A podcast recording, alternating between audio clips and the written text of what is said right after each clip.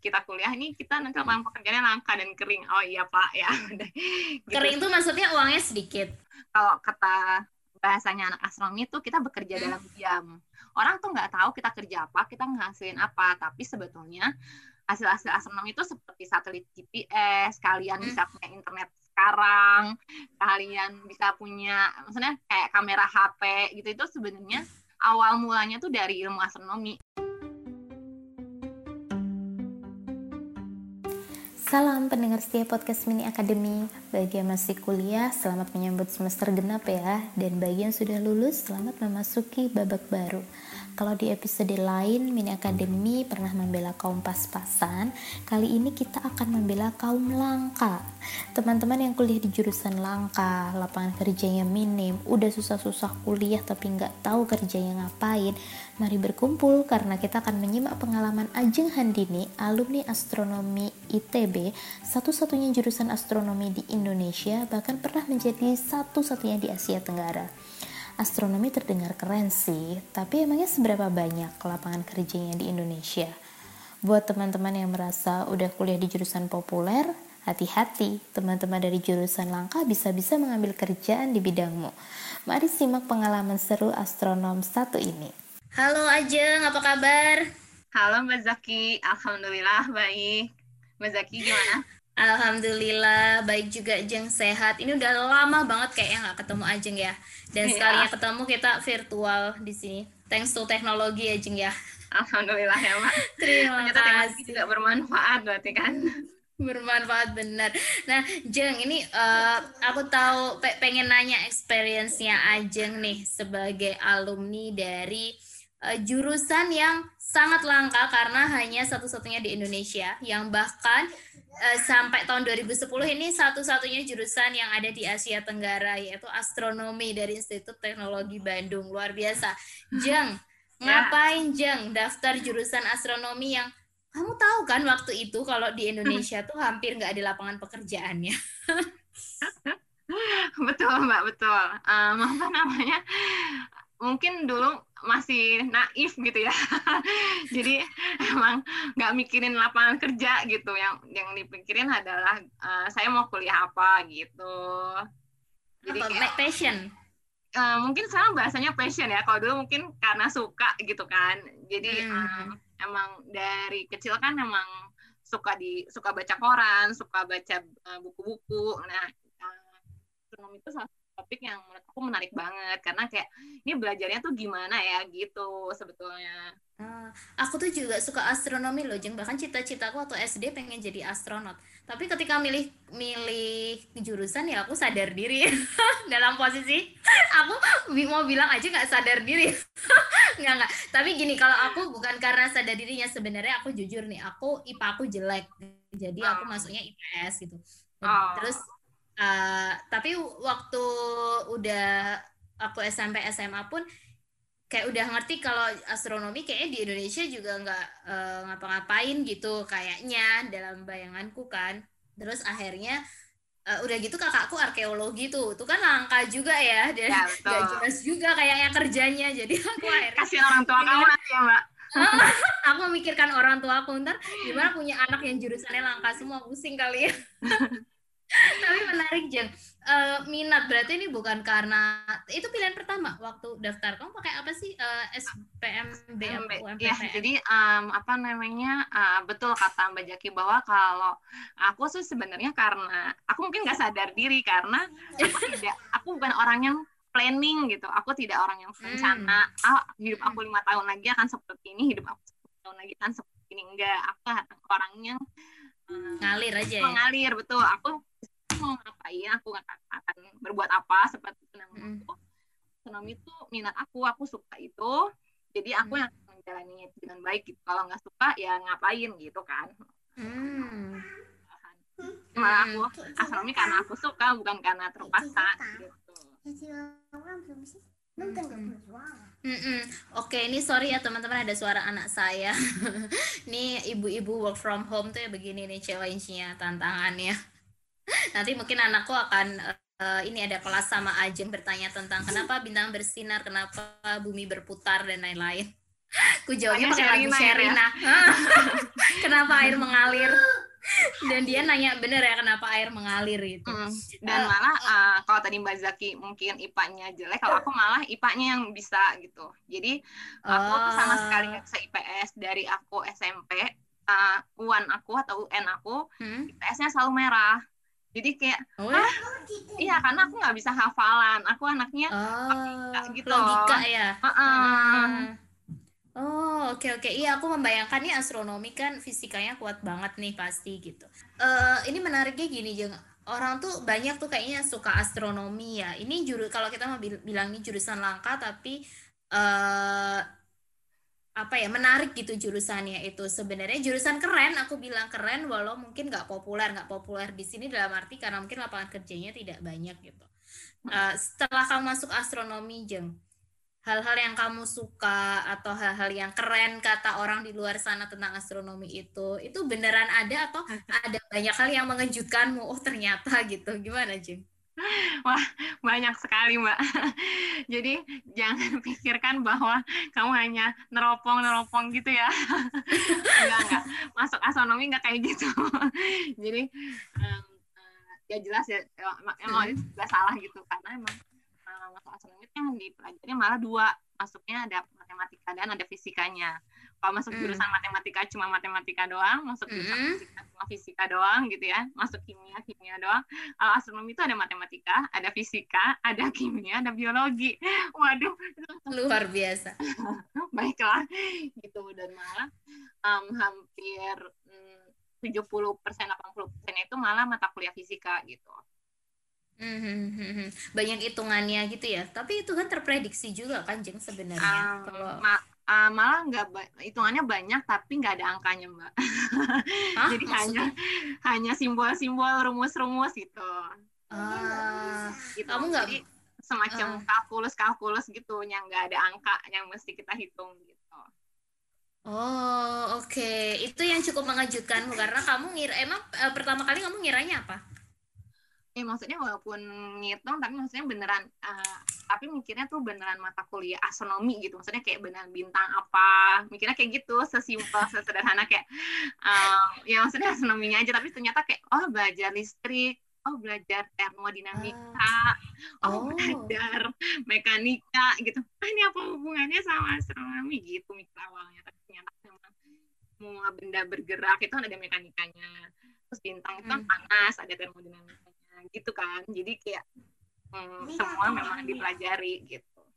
Oh oke, nah kamu kan masuk karena emang suka ya Jeng ya tertarik. Walaupun informasi yang kamu peroleh sebelumnya mungkin ya tidak terlalu banyak gitu ya. Betul, Ketika kan masuk masih, Hmm? iya ya karena kan zaman dahulu kan maksudnya Google nggak secanggih itu ya mbak. Maksudnya iya. kita hanya belajar dari buku pintar atau nanya orang kayak gitu Ah, kan. anu Jadi, repul apa sih eh, pengetahuan umum rangkuman pengetahuan gitu-gitu. alam ya. Ah, kayak gitu. Jadi emang emang nggak bisa di Google gitu dulu tuh. Kayak gitu sih. Oke, nah terus tadi kan ada hal-hal yang oh ternyata belajarnya banyak, mengejutkan dan sebagainya. Eh, itu sempat mengganggu minatmu nggak di situ? Atau bikin kamu tambah berminat Jeng di jurusan itu? Em, sebenarnya kalau masalah kuliahnya menjelimet atau kuliah fisika yang tidak sesuai ekspektasi tuh nggak bikin down sih tapi yang bikin down adalah temen jurusannya sedikit ternyata gitu jadi Berapa Jeng pas kamu pas aku angkatan? 15 orang Oh iya, satu angkatan iya itu berarti kalau daftar pasti keterima apa nggak juga? kayak- kan em, waktu kan sekarang tuh ITB dari zaman aku kan ITB tuh masuknya em, fakultas dulu kan pas tingkat satu nah Hmm. dari tingkat jadi tingkat satu tuh masih TPB tahap persiapan bersama itu masih masuknya fakultas jadi kayak Fakultasnya apa tuh dia? MIPA matematika dan Oh pengetahuan oke. alam. Hmm. fakultas sains kan nah jadi Hmm. bareng sama teman-teman yang mau ke matematik teman-teman yang mau ke fisika kimia gitu Hmm. itu tuh pas tingkat dua eh, pas akhir-akhir tingkat satu tuh kayak mas semua orang maunya masuk matematika gitu kan. Kayak ini yang mau masuk astronomi siapa? Kayak gitu kan. Jadi kayak Ah, di situ sih maksudnya ap- apalagi teman-teman deket aku atau tingkat satu tuh uh, matematik semua milihnya gitu. Jadi dalamnya di situ. Jadi kayak merasa hmm.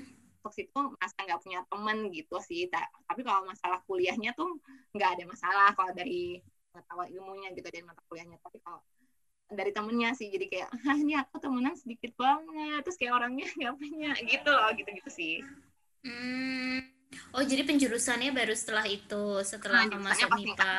ya Oh, sih ada tesnya lagi gitu ya di situ ada ya. tesnya dan ada kuotanya terus ada ya misalnya kayak sesuai kuota atau enggak nanti kalau enggak sesuai kuota jadi terlempar Oh, memang kuotanya sedikit. Kuotanya memang sedikit aja. iya kalau nah maksudnya astronomi kan emang nggak diminati kan jadi Hmm. siapa pun yang mau masuk astronomi jadi ya ikutan aja maksudnya masih pasti kedaftar malah kalau dari matematik itu yang kuotanya cuma 100 jadi kalau nanti Hmm. ada orang yang masuk matematik tapi dia ranking 200 ya Hah? dia nggak akan masuk matematik gitu jadinya Oh, Nah, jadi bisa kelempar. iya gitu Oh, berarti di Astro ada orang terpaksa juga ya. betul Oh, oke. See. Nah,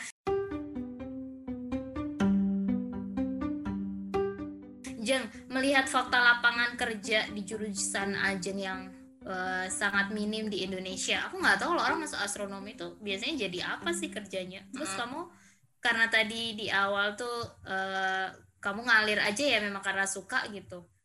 Kamu gimana melihat fakta kerjanya gitu, karirnya? Em, kalau kata dosen sih waktu itu langka dan kering Aduh, udah langka kering gitu.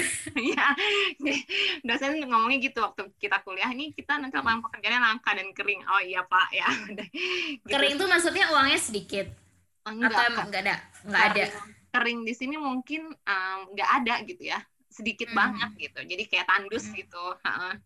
kayak gitu. Nah terus, Hmm. em, apa tapi em, dan saya baru, maksudnya aku juga baru tahu kalau maksudnya sesedikit itu tuh pas dia pas kuliah gitu. Nah jadi kayak Hmm. eh, apa namanya oh ternyata tuh lapangan pekerjaan yang emang resmi di Indonesia kalau emang kita mau astronomi gitu ya itu Hmm. cuma ITB jadi dosen atau di lapan gitu Hmm, hmm, hmm, hmm. Bahasanya Indonesia gitu kan Hmm, hmm. gitu nah di mana Hmm. zaman 2010 2011 ketika saya lulus tuh kan bukaan PNS tuh nggak secanggih sekarang ya mbak jadi kayak Hmm. zaman dulu tuh kan kayak eh, nggak ada info lah buka bukaan PNS tuh kayak gimana sih tesnya seperti apa itu tidak transparan gitu kan dulu tuh dan tidak setiap tahun ada gitu jadi kayak em, mau kita nungguin pun ya udah nungguin aja nanti juga akan ada gitu cuma tapi kan maksudnya kayak lah kita mau makan dari mana kok cuma nungguin itu gitu kan Hmm, hmm, hmm. jadi memang uh, dulu sesedih itu sih makanya kalau sekarang tapi lebih lebih uh, apa ya lebih alhamdulillahnya lebih eh, positif gitu lebih baik gitu sekarang Uh, karena bukan PNS sudah setiap tahun terus juga transparan gitu jadi nggak ada kor maksudnya nggak ada nepotisme gitu kan jadi emang Mhm. sesuai tesnya gitu jadi memang di lapan pun dibuka tiap tahun sekarang gitu mbak Oke, itu berarti jurusan astronomi itu di 8 banyak gitu ya, Jengko. Tadi PNS bukan tiap tahun. Maksudnya aku bayangin PNS kan eh, macam-macam jabatannya juga kan. Itu astronomi bisa tersebar di berbagai jabatan di situ gitu. Em, kalau di lapan itu eh, ada beberapa bidang gitu. Jadi ada yang matahari, ada bidang apa gitu. Nah itu Oh, memang kan karena alumninya juga sedikit kan, di mana mereka butuh banyak. Jadi Mm-mm. ya udah, jadi memang tiap tahun. Tapi tiap tahun juga paling cuma dua, tiga gitu, nggak yang sepuluh gitu enggak mbak. Mm-mm. Tapi juga eh, karena orangnya sedikit itu tadi ya, jadi Ya. bisa-bisa aja ya masih ada kemungkinan. Nah, kalau eh, waktu kamu lulus di Jeng dari astronomi itu, terus setelah itu eh, karirmu gimana tuh Jeng? Masuk Um, nyoba daftar 8 juga atau?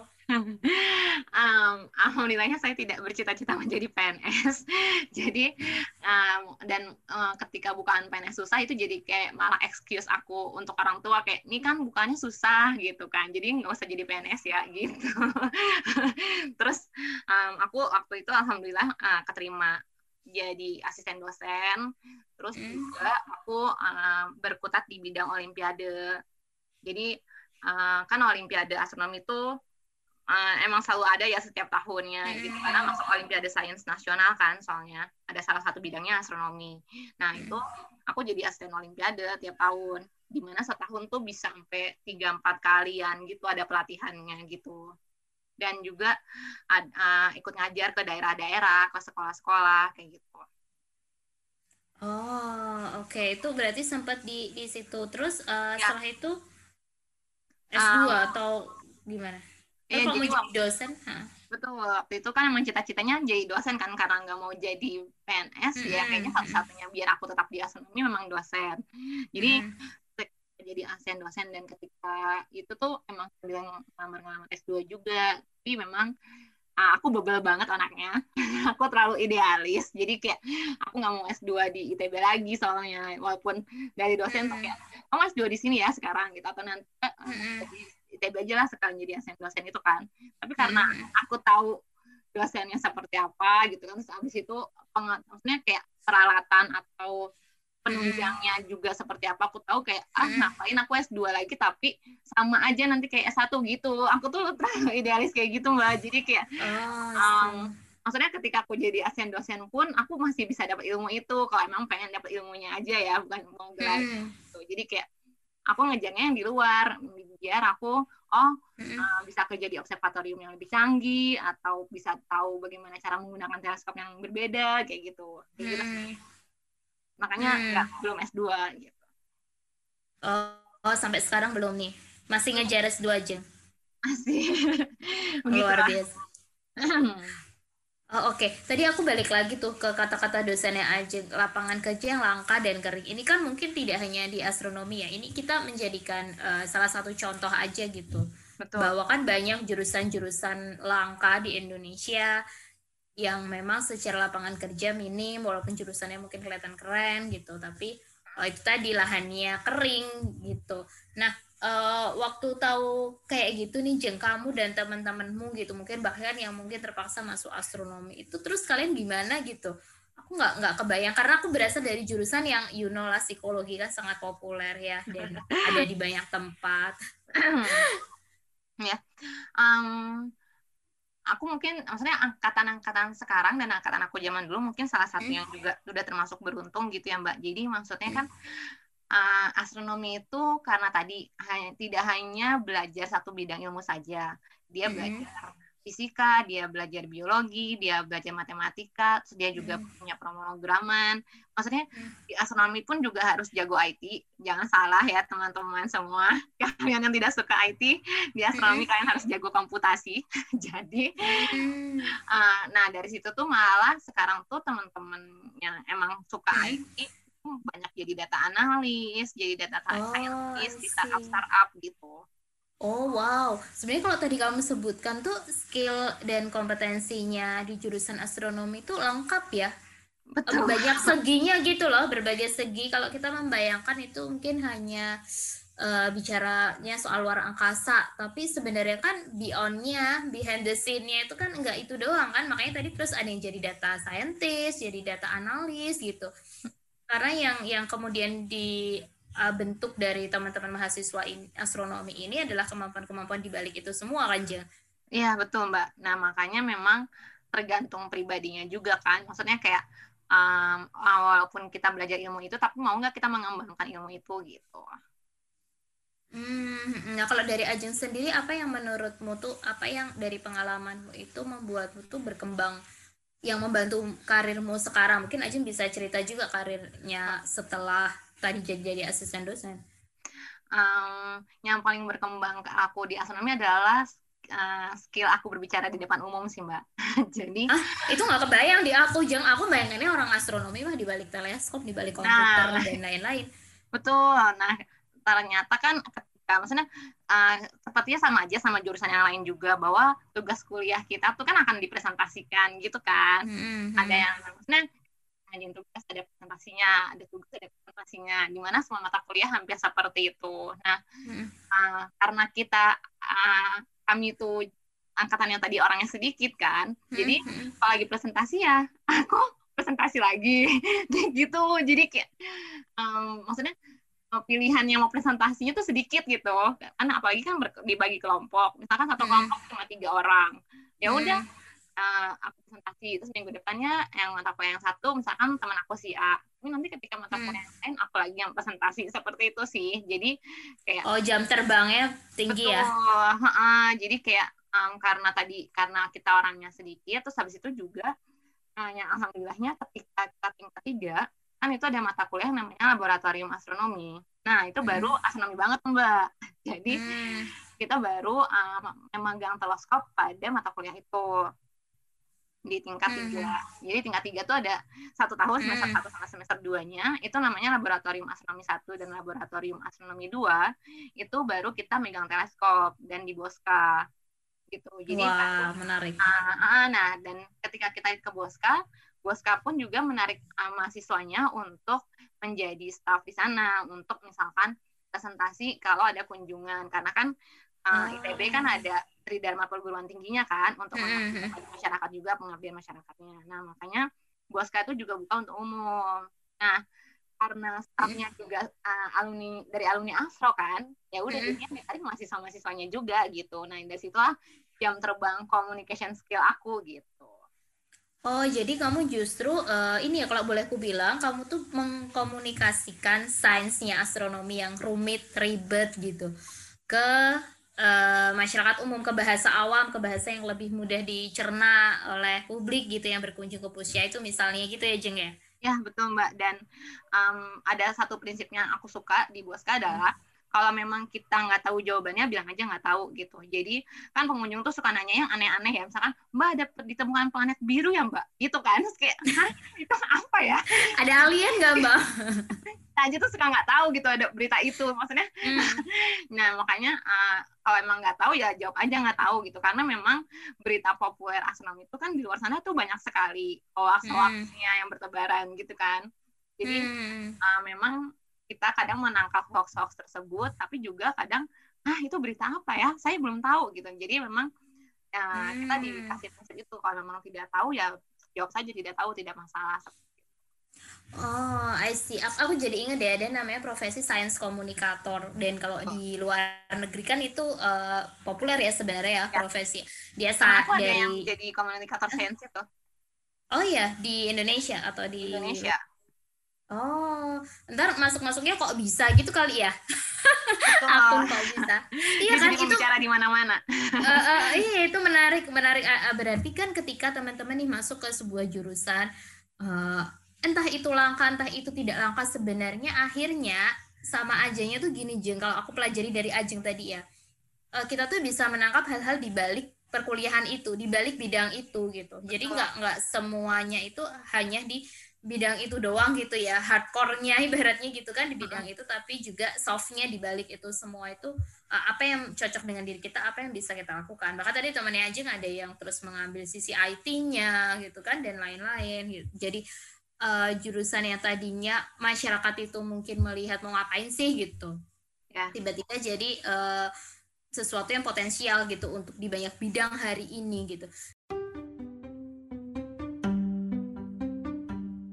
Jeng ada ini nggak sih uh, keberatan dari orang tua atau omongan dari omongan yang tidak menyenangkan gitu ngapain kau masuk jurusan ini gitu kan kadang banyak kayak gitu kan um, itu dialami aku ketika aku les mau SPME atau SNPTN zaman sekarang gitu ya maksudnya namanya hmm, hmm. jadi kan dulu ada les oh, apa SNMPTN gitu kan kayak uh, mau hmm. masuk ini jadi uh, kita les dulu tes tesnya kayak gimana gitu kan nah itu tuh aku hmm. ikut tes apa les tes kayak gitu tuh hmm. terus ada salah satu pengajar di tempat les aku itu ngomong kan biasanya kita juga ada tryoutnya kan masuk SNMPTN mau ngambil jurusan apa gitu kan. Hmm.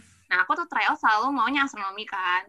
Padahal nilai nilai aku uh, ini bukan mau sombong tapi nilai nilai aku tuh kayak tinggi gitu. Terus habis itu pengajar aku tuh ngomong gini, ngapain sih Jeng kamu masuk astronomi ini kamu bisa, dengan nilai segini kamu bisa masuk ke dokteran digituin karena hmm. senang itu masa depannya suram gitu. Ya, langka dan kering lah ya. Uh, uh, tapi maksudnya kalau aku tuh karena aku anaknya uh, ekstrim gitu jadi kayak apaan sih? Kenapa malah dihina? gitu. Hmm, jadi iya, iya, iya. aku tuh malah uh, akan mencoba bahwa uh, gue bakal ngasih tahu kalau di astronomi itu nggak suram gitu sih Oh, dan kamu membuktikan itu gitu ya, membuktikan. Justru berarti berarti omongan orang itu kan bisa dua hal ya. Bisa berarti yeah. kita jadi down gitu, kemudian memilih jalan sesuai dengan omongan orang. Yeah. Atau yang kedua justru memberi kita energi untuk kita lebih kuat lagi memilih itu gitu.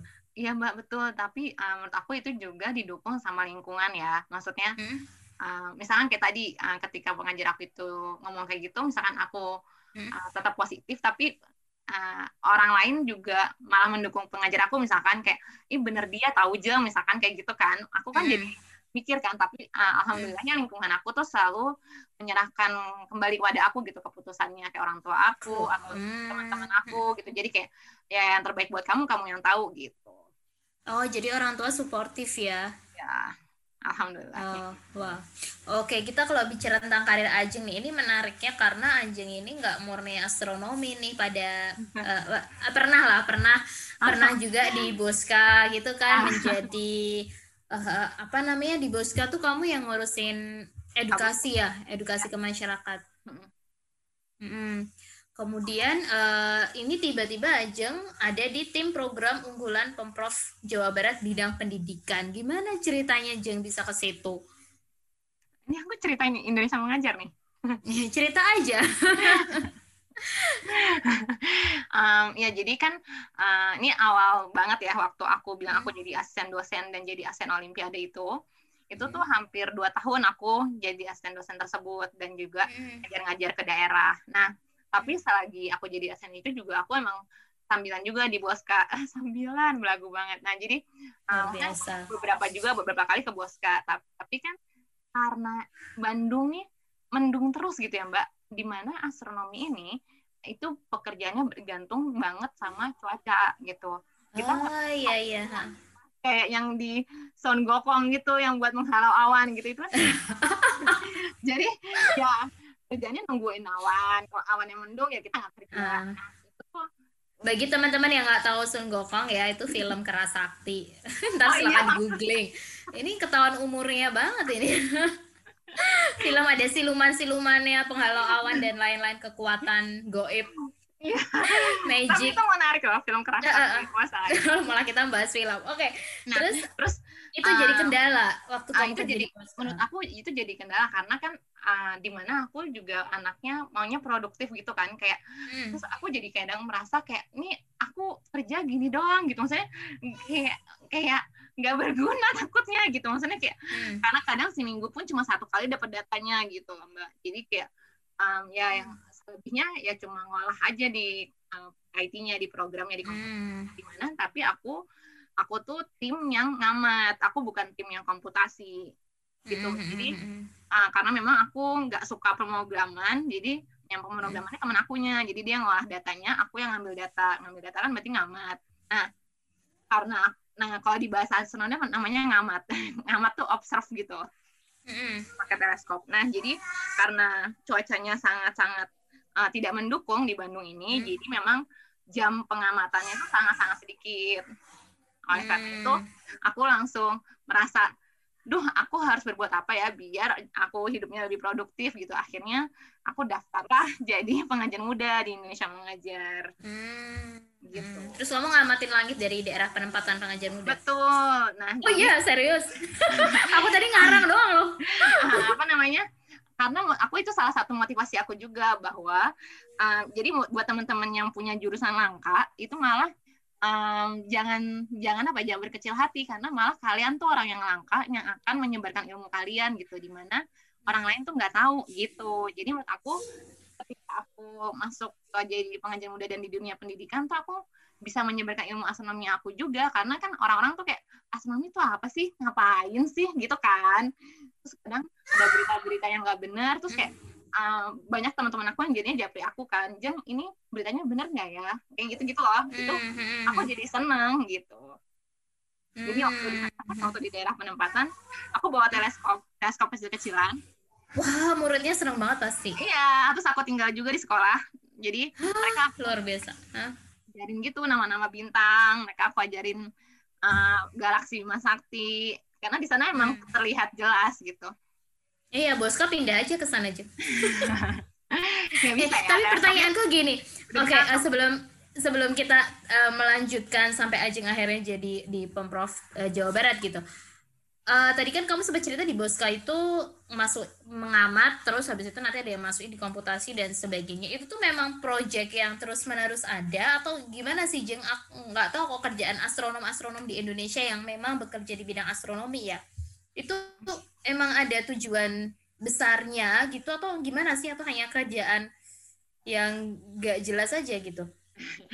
Um, jahat banget ya aku maksudnya iya. jelas dalam arti itu bukan bukan maaf bukan nggak jelas gini maksudnya itu itu apakah memang terlibat dalam proyek kan kadang kan kalau di astronomi uh, hasil dari pengamatan di negara apa negara apa kemudian tuh disatukan kan gitu di Betul. sebuah proyek-proyek besar. Nah kalau di Indonesia sendiri gimana gimana gitu itu yang tadi kamu kerjakan itu?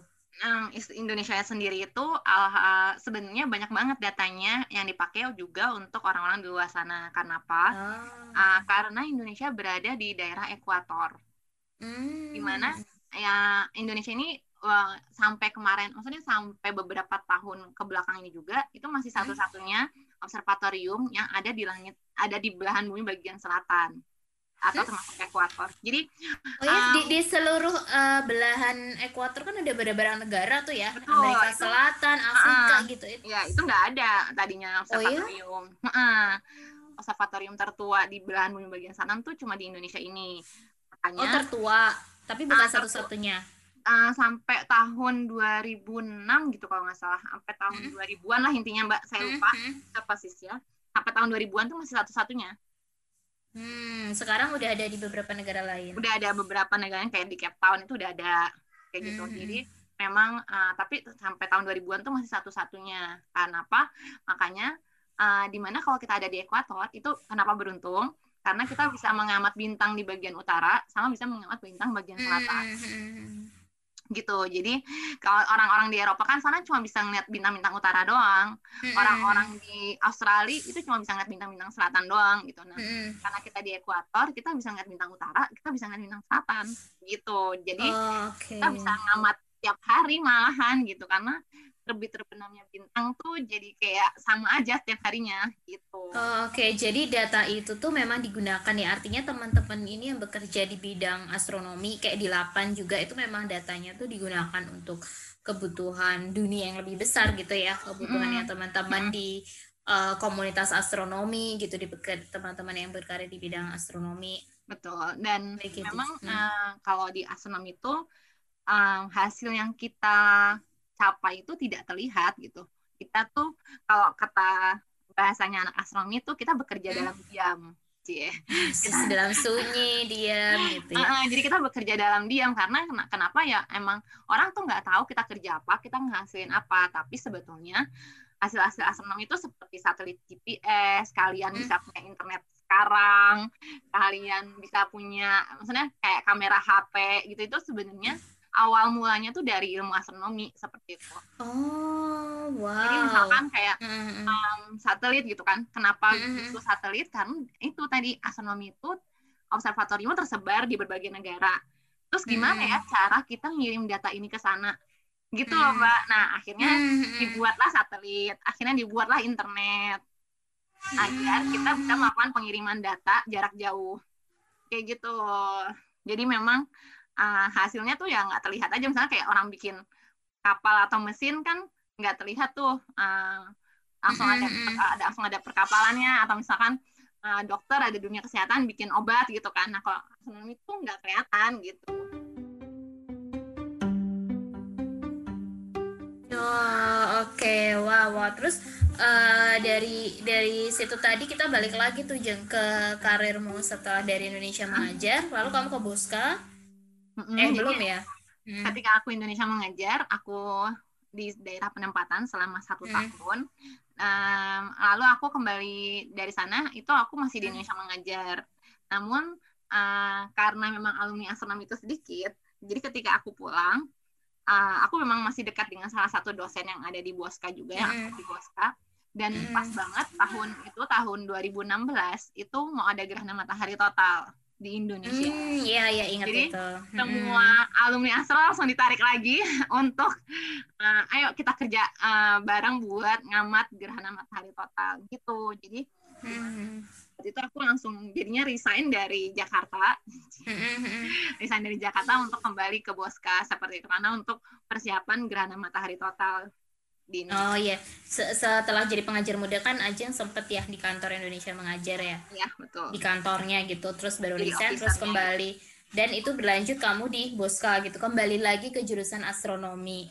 Iya. Dari situ, tapi kemudian karena merasa tidak produktif tadi, kemudian ada uh, pekerjaan di pemprov Jawa Barat gitu dan akhirnya kamu uh, di situ gitu Uh, ya, di Pemprov Jawa Barat ini kan juga karena aku pernah di dunia pendidikan kan akhirnya uh, ditarik juga sama salah satu teman juga sih dari uh, Indonesia mengajar juga. Kayak karena aku pernah ada karir di Jakarta gitu kan waktu itu juga pernah sempat uh, terjun ke Kementerian Pendidikan kan. Jadi memang pas di sini masuk ke dinas pendidikan tuh kayak bersinggungan banget program-programnya gitu Oh, oke okay, oke. Okay. Jadi uh, kalau boleh dibilang tuh berarti kamu puzzle-nya itu punya education uh, di education itu kamu communicate something kan ya, communicate ilmu dan sebagainya gitu. Jadi uh, yang tadi kita bicara tentang beyond ilmunya itu akhirnya malah kamu jadi fleksibel gitu ya, kepake di banyak tempat gitu. Kamu balik ke astronomi masih bisa, kamu juga ke pendidikan bisa bahkan menggabungkan keduanya tadi sebagai edukator di uh, Boska tadi juga bisa gitu ya uh, Jeng ya. Iya. Nah, uh, ini ini jadi menarik nih karena kamu dari yang benar-benar berminat kemudian di situ kamu menjalani dengan sangat baik uh, Jeng di jurusanmu itu ya tidak walaupun dibilang langka kering gitu yang tadi aku cuma mengkopas nih dari kata-kata yeah, yeah. Ajeng gitu Uh, tapi Ajeng tetap bisa melaluinya. Nah, Jeng, apa saranmu Jeng untuk teman-teman yang kuliah di jurusan langka, minim lapangan kerja, apa yang bisa Ajeng berikan ke teman-teman ini? Um, buat teman-teman yang mungkin yang mirip-mirip gitu ya jurusannya sama astronomi yang langka lapangan pekerjaannya minim mau kerja di mana gitu ya kalau memang resmi khusus di bidang itunya. Menurut aku sih tetap semangat dan tetap semangat dan positif gitu ya maksudnya dan explore berbagai pengetahuan yang ada yang kamu lakukan ketika kamu kuliah gitu. Karena menurut aku uh, kuliah tuh bukan cuma uh, belajar pulang belajar pulang gitu ya tapi malah uh, ilmu di luar itu yang perlu kita kembangkan gitu. Makanya tadi aku bilang yang aku kembangkan adalah soft skill komunikasi aku gitu. Terus uh, jaringan juga kita pertahankan sama teman-teman sama dosen gitu. Karena kita nggak tahu aja kita datang dari mana gitu. Jadi um, jangan jadi apa ya maksudnya jangan jadi orang yang emang hidup dalam tempurung gitu menurut aku. Tapi perluaslah zona kalian gitu menurut aku. Jadi karena ya tadi sebetulnya lapangan pekerjaan nggak mesti datang dari bidang kita. Kalau memang kita suka di bidang um, kayak misalkan kayak buku gitu ya misalkan penerjemah atau konten gitu. Karena teman aku di astronomi pun ada yang jadi editor. Bahkan ada yang jadi wartawan kompas mbak. Tapi khusus bidang bidang artikel sainsnya. Jadi kan Kompas tuh punya oh, rubrik iya, iya, uh, rubrik ya. sains atau hmm, nah itu dia jadi wartawan di situ untuk mengisi rubrik-rubrik tersebut. Kayak gitu. Jadi memang apa ya maksudnya uh, kita tidak meninggalkan astronomi kita tapi kita bergerak di bidang lain dengan menyebarkan astronomi gitu sih gimana ya oh, luar biasa itu closing uh -uh. yang menarik itu iya ya jadi uh, gak harus uh, jadi karena didukung oleh kemampuan yang lain jeng kayak temanmu tadi iya kan dia ya. uh, punya kemampuan menulis berarti menulis artikel oh. di Kompas kemudian ada uh, temanmu yang mungkin kayak teman-teman di tim risetnya kita kok bisa itu loh itu ya. kan juga mereka pasti punya kemampuan uh, untuk menarasikan ilmu ke orang awam gitu dan sebagainya gitu. Artinya tadi uh, aku mencatat dua hal besar tuh, yang explore dan jejaring gitu. Jadi uh, jangan down, terus uh, gak gak gitu ini ya sama omongan orang gitu tuh nggak terlalu mikirin banget gitu. Tapi pokoknya jalanin aja dan di situ akhirnya bisa mendapatkan uh, banyak hal yang tadinya juga nggak kepikir kan pas masuk gitu kan. Ya, betul. Pas intinya masuk gak kepikir betul. gitu. Betul mbak. Jadi perluas ilmu dan jaringan lah intinya. Perluas ilmu kita. mm -hmm. jadi betul. jangan cuma belajar satu bidang aja gitu. Gitu. Ya iya iya. Iya jangan cuma satu bidang. Karena uh, sekarang juga mau bidang apa pun orang tuh tetap harus punya kemampuan yang lain-lain. Nggak ya. bisa mengandalkan keilmuan doang. Artinya mau teman-teman yang di apa artinya teman-teman yang di jurusan langka uh, atau jurusan yang tidak populer gitu misalnya itu teman-teman masih punya banyak kesempatan untuk uh, mengeksplorasi gitu. Karena ya. uh, kita rasa ini ya yang membentuk diri kita hari ini itu bukan latar belakang keilmuannya doang gitu.